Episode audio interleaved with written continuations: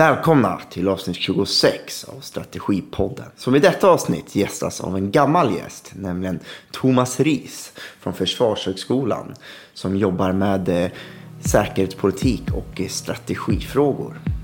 Han pratade i avsnitt 4 om eh, Donald Trump. Men i detta avsnitt kommer han prata om världsläget.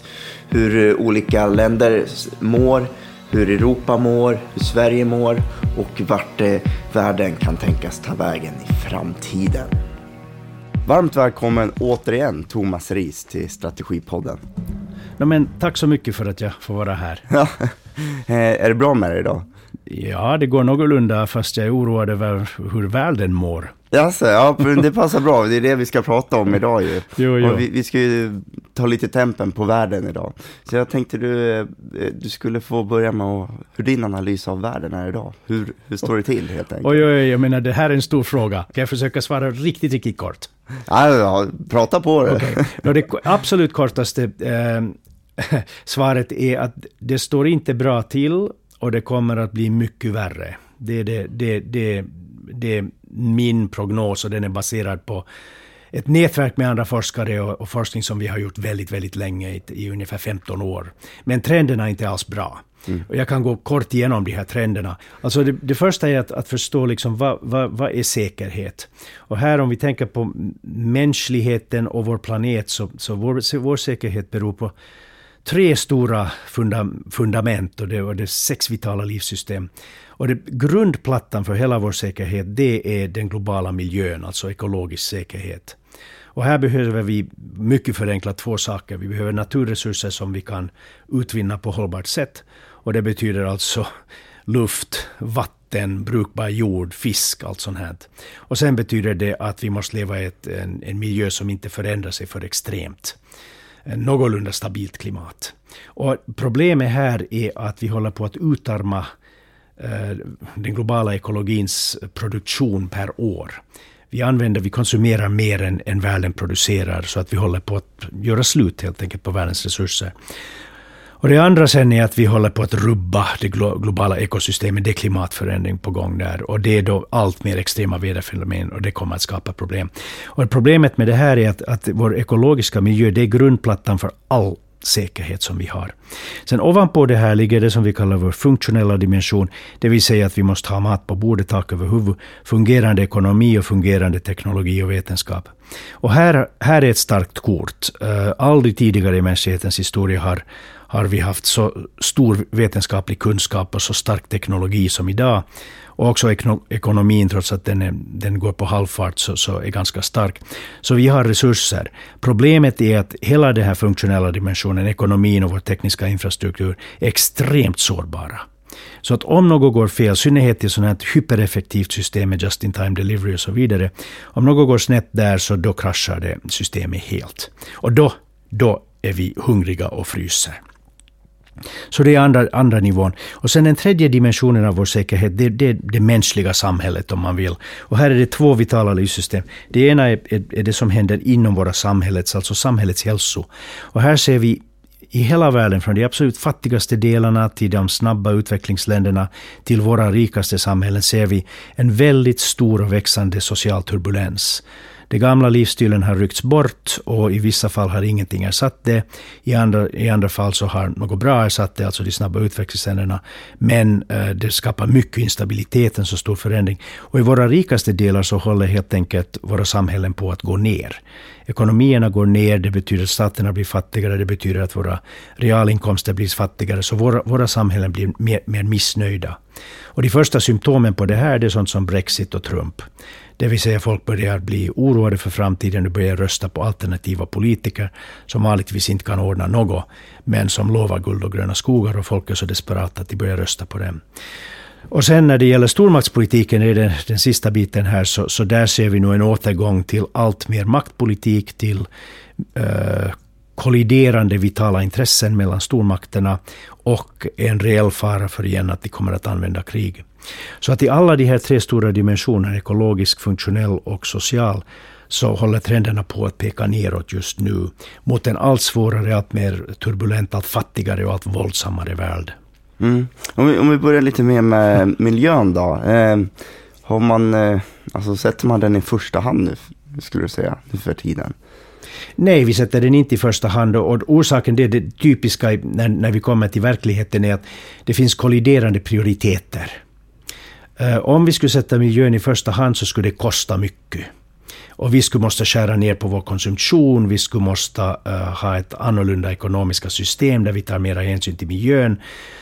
Uh, och uh, inga politiker vågar ännu riktigt införa så drastiska... För det här skulle ha konsekvenser på, på samhällets uh, välmående. Och egentligen inga politiker från de snabba transitionsekonomierna ända upp till oss rikaste länder vill riktigt helt satsa på det här. De är för rädda för att väljarna blir missnöjda. Så att vi tar det inte ännu riktigt tillräckligt på allvar. Mm, okay. Men här borde man tillfoga att den andra biten, den andra lösningen är teknologi.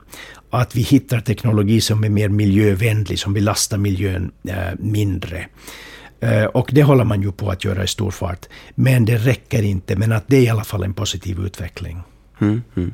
Och sen pratar du om det här hy hypereffektiva samhället var och det finns eh, hot mot det. Vilka hot är det och vilka skulle kunna, vilka som utför de här hoten? Jo, jo. Det här är igen en enorm fråga. Men väldigt kort kan man sammanfatta det här på, det sättet, på två sätt. Det ena, eller tre egentligen, det ena är det hypereffektiva uh, funktionella systemen, ekonomiska och teknologiska. Och med det menar vi system som levererar en maximalt av, av av varor och tjänster åt oss till minimum av pris, kostnad. Eh, och det är bra. Då får vi gratis, nästan gratis mobiltelefon, allt möjligt väldigt billigt. Problemet med det här är att då har man skurit ner på alla säkerhetsbuffertar, alla reserver, allt fläsk. Och utan fläsk så betyder det att om det blir en kris så då kraschar systemet fullständigt. Så det, det är ett av problemen. Det andra sen är att eh, nästan allting nu är så fullständigt beroende på eh, data nätverk, alltså informationsnätverk. Och de här är sårbara cyberattacker, för cyberattacker. Och det här är den andra biten som är extremt sårbar. Och det tredje sen är att världen är så sammankopplad. Det kan hända saker långt bort, någon epidemi i ett fjärran land och det är inte längre fjärran, det kan dyka upp i våra länder inom 24 timmar. Hela världen är så djupt sammankopplad att också olika sorters katastrofer kan sprida sig extremt snabbt och förlara, förlama den globala tekniska infrastrukturen och ekonomin som vi, som vi är helt beroende på. Sverige är inte längre självförsörjande, man är helt beroende på just in time delivery av mat, till exempel till Sverige, från resten av världen. Vi har inga lager längre, vi har ett lager på kanske 24 timmar eller så. Väldigt lite. Så det är inte som tidigare när de flesta bodde på landet och när, när butikerna hade lager för ett par dagar eller veckor åtminstone. Nu har vi inte längre det. Så att, så att, så att vi är extremt sårbara just på den nivån. Mm. Jag tycker arbetet har börjat bli nu med att man börjar... Ja, ja. Nu har man börjat märka det här. Eh, dels alltså, alltså egentligen svenska myndigheter som sköter om sånt här, liksom vår, vår funktionella, alltså vår, vår, vår tekniska infrastruktur i Sverige. Uh, att ström, uh, nätet, uh, vattenförsörjning och allt annat. De har varit medvetna om det här väldigt länge, minst 15 år, och har jobbat med det här. Problemet är att det räcker inte riktigt med om enskilda myndigheter, de har begränsade resurser, det krävs en kraftsamling. Och det har man inte ännu, det är alltså MSBs egentligen uppgift att göra det. Men även MSB, alltså Myndigheten för samhällsberedskap, de kan inte riktigt göra det om inte det finns politiskt stöd. Och här börjar man kollidera dels med olika byråkratiska intressen, alla har sina egna intressen som de vill skydda och sen också med ekonomin, att det kostar och man måste hålla ekonomin igång. Så att egentligen, vi gör inte tillräckligt, inte på, inte på långt håll.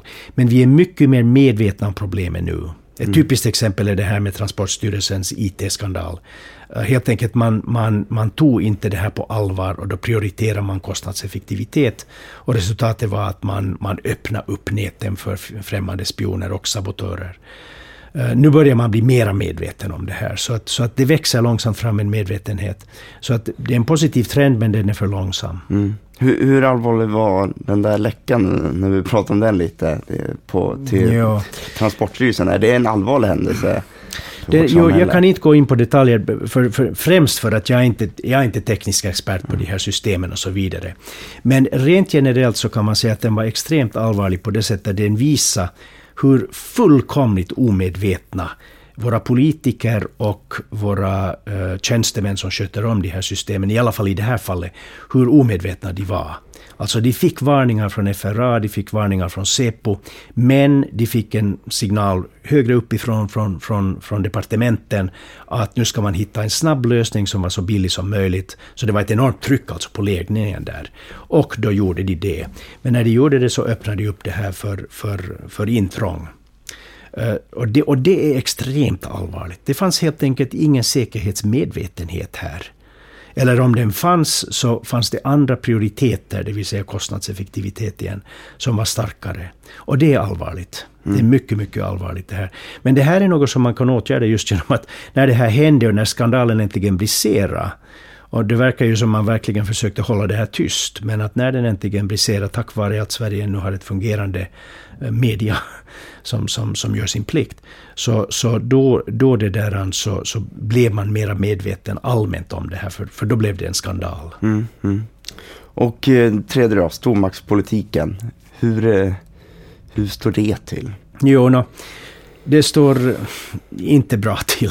Uh, om vi kommer ihåg 25 år sedan när kalla kriget tog slut 1992, då var det en slags eufori bland vissa historielösa personer. Att nu är krig slut. Nu kommer alla att bli som vi, det vill säga välmående demokratier som samarbetar och inte krigar. Och det var helt logiskt för att vårt system fungerar, vi var lyckliga, vi var välmående och, och vi samarbetar, så vi tänkte det. Men sen problemet var, nu ser vi i efterhand att, ähm, att det är inte så lätt att bli som vi, det tar lång tid. Och istället för att resten av världen har blivit som vi så är det ännu fler flertalet länder som, som ännu tänker i de gamla banor, det vill säga att man kan använda krig för att, för att uh, säkra sina vitala intressen. Och den första starka signalen för det här kom från, från, från Kinas små länder små grannar när de i början, första årtiondet av det här århundradet alla började springa till Washington och, och banka på dörren och säga vi är rädda för Kina, vad de kommer att hitta på när de verkligen blir mäktiga om, om 20, 20 år ungefär. Och det var då som USA införde den här så kallade Pivot to Asia, att man började satsa på att eh, förstärka den militära närvaron i Nordostasien. Och sen den andra väckarklockan som kom för, för Europa och USA var 2014 när Ryssland invaderade Krim och eh, östra Ukraina. Och det var den riktiga väckarklockan. Det borde ha, vi som sysslar med, med Sovjet och Rysslands forskning tidigare såg att det här skulle komma någon gång. Men att det borde ha, vi borde ha vaknat långt tidigare, men det var inte politiskt gångbart, det var inte politiskt korrekt att tänka på Ryssland som hot. Men efter 2014 när det här hände så har vi nog vaknat upp mot det.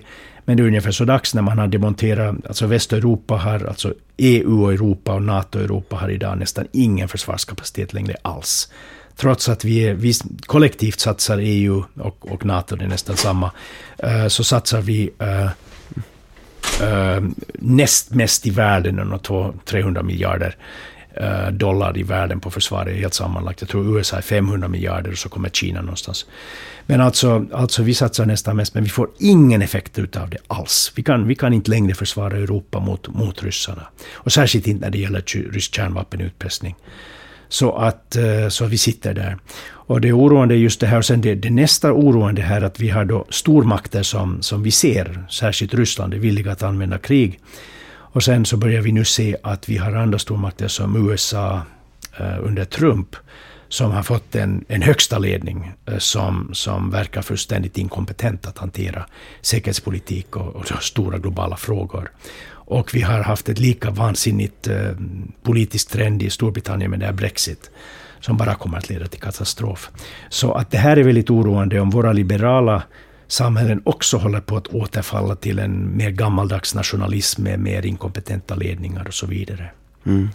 Hur skulle du säga, eh, du nämnde här att 2014 när eh, Ryssland annekterade Krim där och delar av Ukraina. Eh, hur har, hur har Europa mött det? För som du säger så har man monterat ner det mesta ja, av försvaret. Ja. Och... Mellan, mellan 1992 och 2014 så har det som den finska eh, gråa eminensen i, i säkerhetspolitik, Max Jakobsson sa Europa väster om Berlin, så har egentligen, först skulle man desarmera helt, men sen upptäckte man, Balk, upptäckte man Balkan och fredsfrämjande operationer, och så skulle man komma med USA, Irak och Iran, äh, Irak ursäkta, och Afghanistan.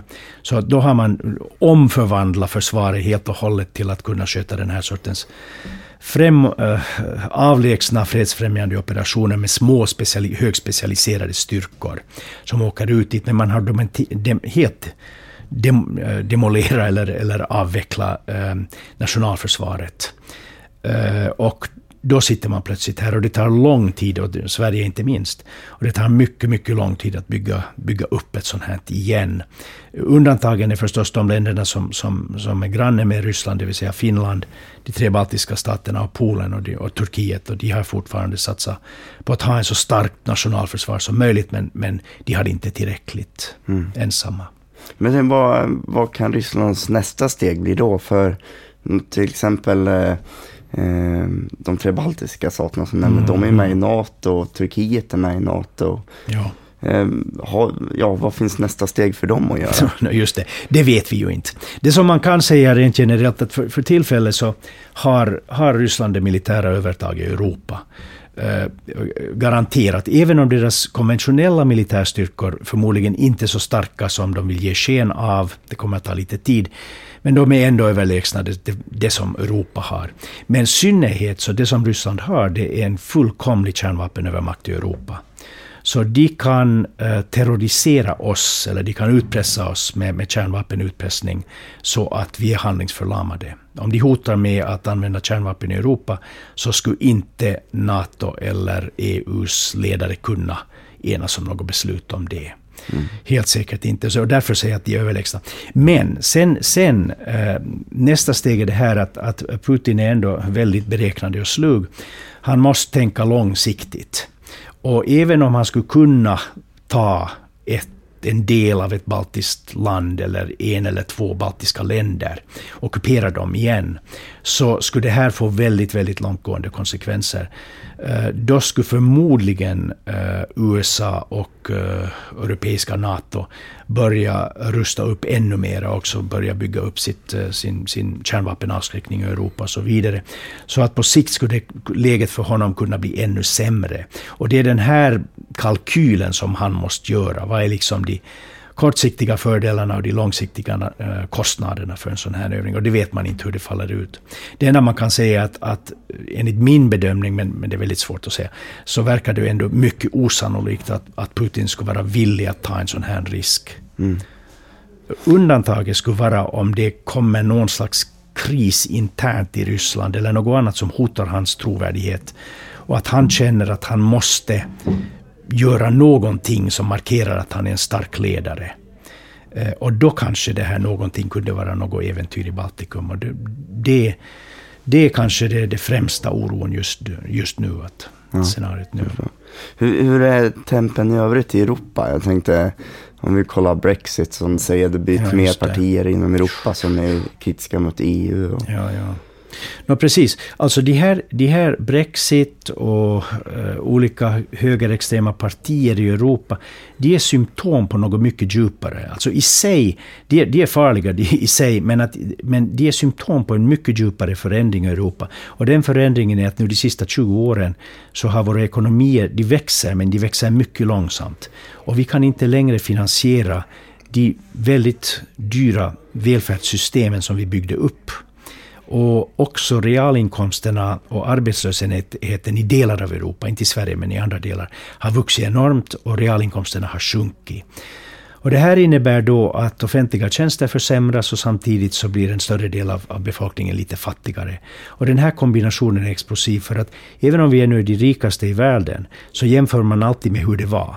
Och när man börjar se att pensioner sjunker, att det blir allt svårare att få hälsovård, att ja, hälsovården är i kris i Sverige, att eh, det blir allt svårare, att skolorna försämras och så vidare. Och så vidare.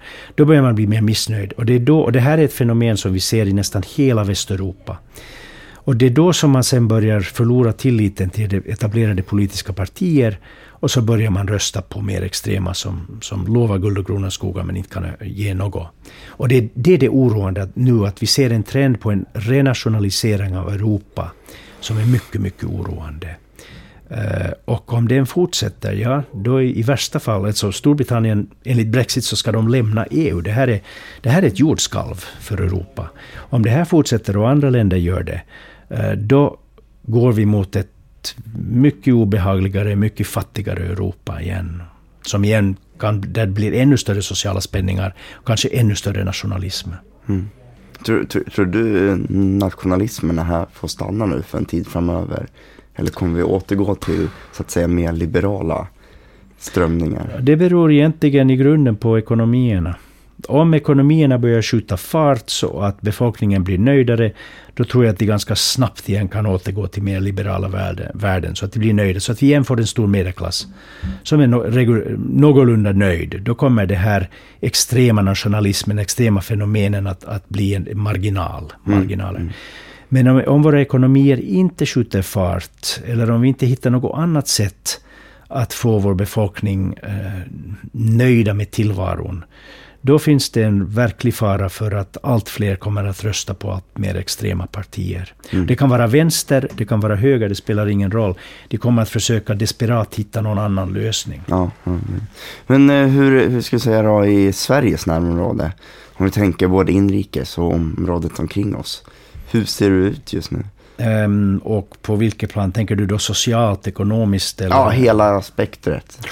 Nå, okej, okay, militärt, om vi börjar med det, mm. det mest, kanske det mest akuta. Uh, så då, då, pre, då, då, domineras ju vår säkerhetsläge av Ryssland. Och då har vi just den här baltiska frågan som vi redan diskuterat, så ska jag inte ta upp den igen. Mm. Men det är klart att, att, att uh, Sverige ligger på första parkett om det skulle bli någon slags kris i Östersjöområdet, eller i Vitryssland för den sakens skull.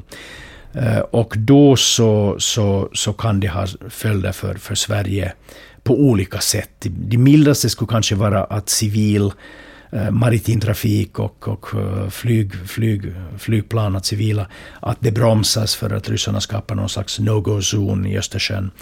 Eh, det värsta skulle kunna vara att det faktiskt sker eh, våldsamma krigshandlingar i vårt närområde som till och med kan drabba oss. Så det, det är liksom scenarierna där.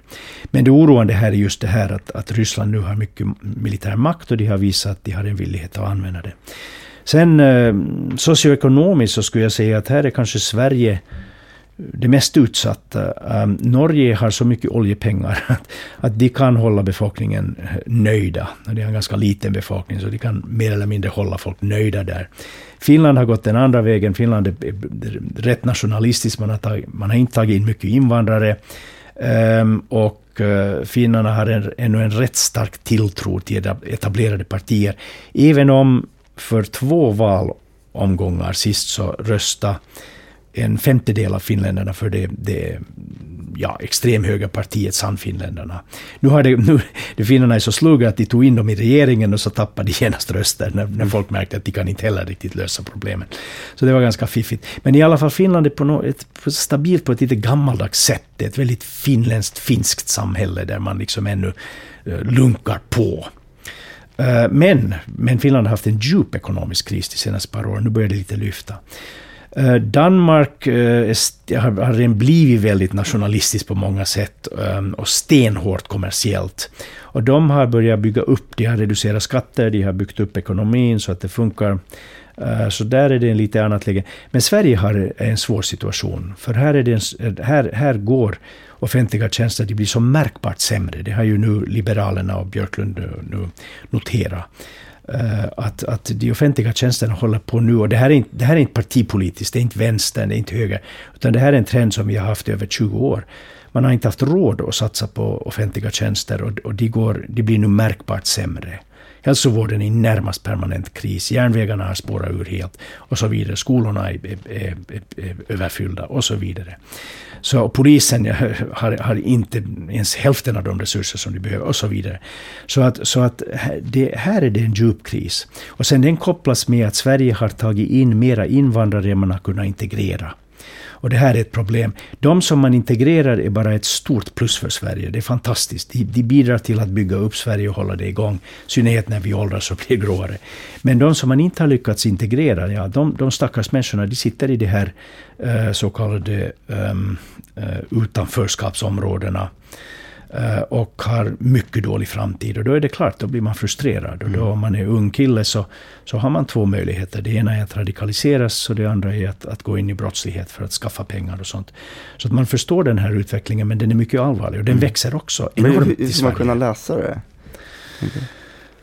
Lösningen är ju att man måste, lösningen i grund och botten är att man måste ha en, en fungerande integrationspolitik. Och det har man ju nu insett. Nu prioriterar man det, men det är så dags. 20 år så har man låtit det här pågå. Och då har man byggt upp de här områdena.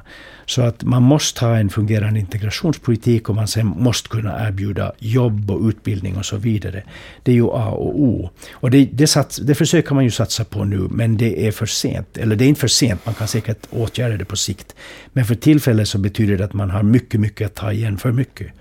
Och då ser vi det här alltså, nu, nu är det liksom, det är helt det är helt förskräckligt om man, om man ser vad som händer i Sverige med illegala vapen, med bombningar, med dödsskjutningar, eh, med mord, med enligt polisens statistik nu 63 områden i Sverige där, där blåljusmyndigheter inte kan gå in utan stark poliseskort. Där de bombarderas med stenar och molotovcocktails och annat. Alltså, där det finns alltså parallellsamhällen som, som, som några politiker har uttryckt det här. Och då talar jag inte högerextrema politiker, utan det och polisen själv har alltså har använt det uttrycket. Så att, jag menar, det, här är, det här är riktigt, riktigt oroande nu för Sverige. Mm, mm. Ehm, är det något du skulle vilja tillägga innan vi Oh. rundar av här? Oj, oj, oj. Nu har, jag, nu har jag klämt in så mycket jag kunde så jag kommer inte på något sådär helt, helt omedelbart här. Um, utom en sak kanske, och det är att säga att, att när jag nu har sagt allt det här så betyder det inte att vi ska bara rycka på axlarna och säga okej, vi ger upp. För så är det inte. Um, det, det finns möjligheter, det finns sätt att lösa det här. Uh, orsaken som jag rabblar upp det här är främst för att, för att försöka få folk att bli medvetna om att vi har allvarliga problem. Och vi måste tackla dem, vi måste ta dem på allvar och vi måste prioritera dem. Eh, så att, så att det är därför som jag tar det här. För att uh, faktiskt för att uppmuntra systemet och människor att börja ta de här problemen på allvar och försöka tackla dem. Men sen hur man gör det, det är sen nästa fråga. Mm. Ja, det får framtiden utvisa. Men jag får tacka så mycket för att du tog dig tiden. Det har varit ett intressant resonemang vi har haft här. Ja, tack själv Kjell Turner. Det, här, det, var, det var som alltid trevligt. Ja. med, eller dystert men trevligt. Ja. Ljudproducent var Victor Pulpito. Glöm inte att följa Strategipodden eh, på sociala medier. Tack så mycket för att ni lyssnade.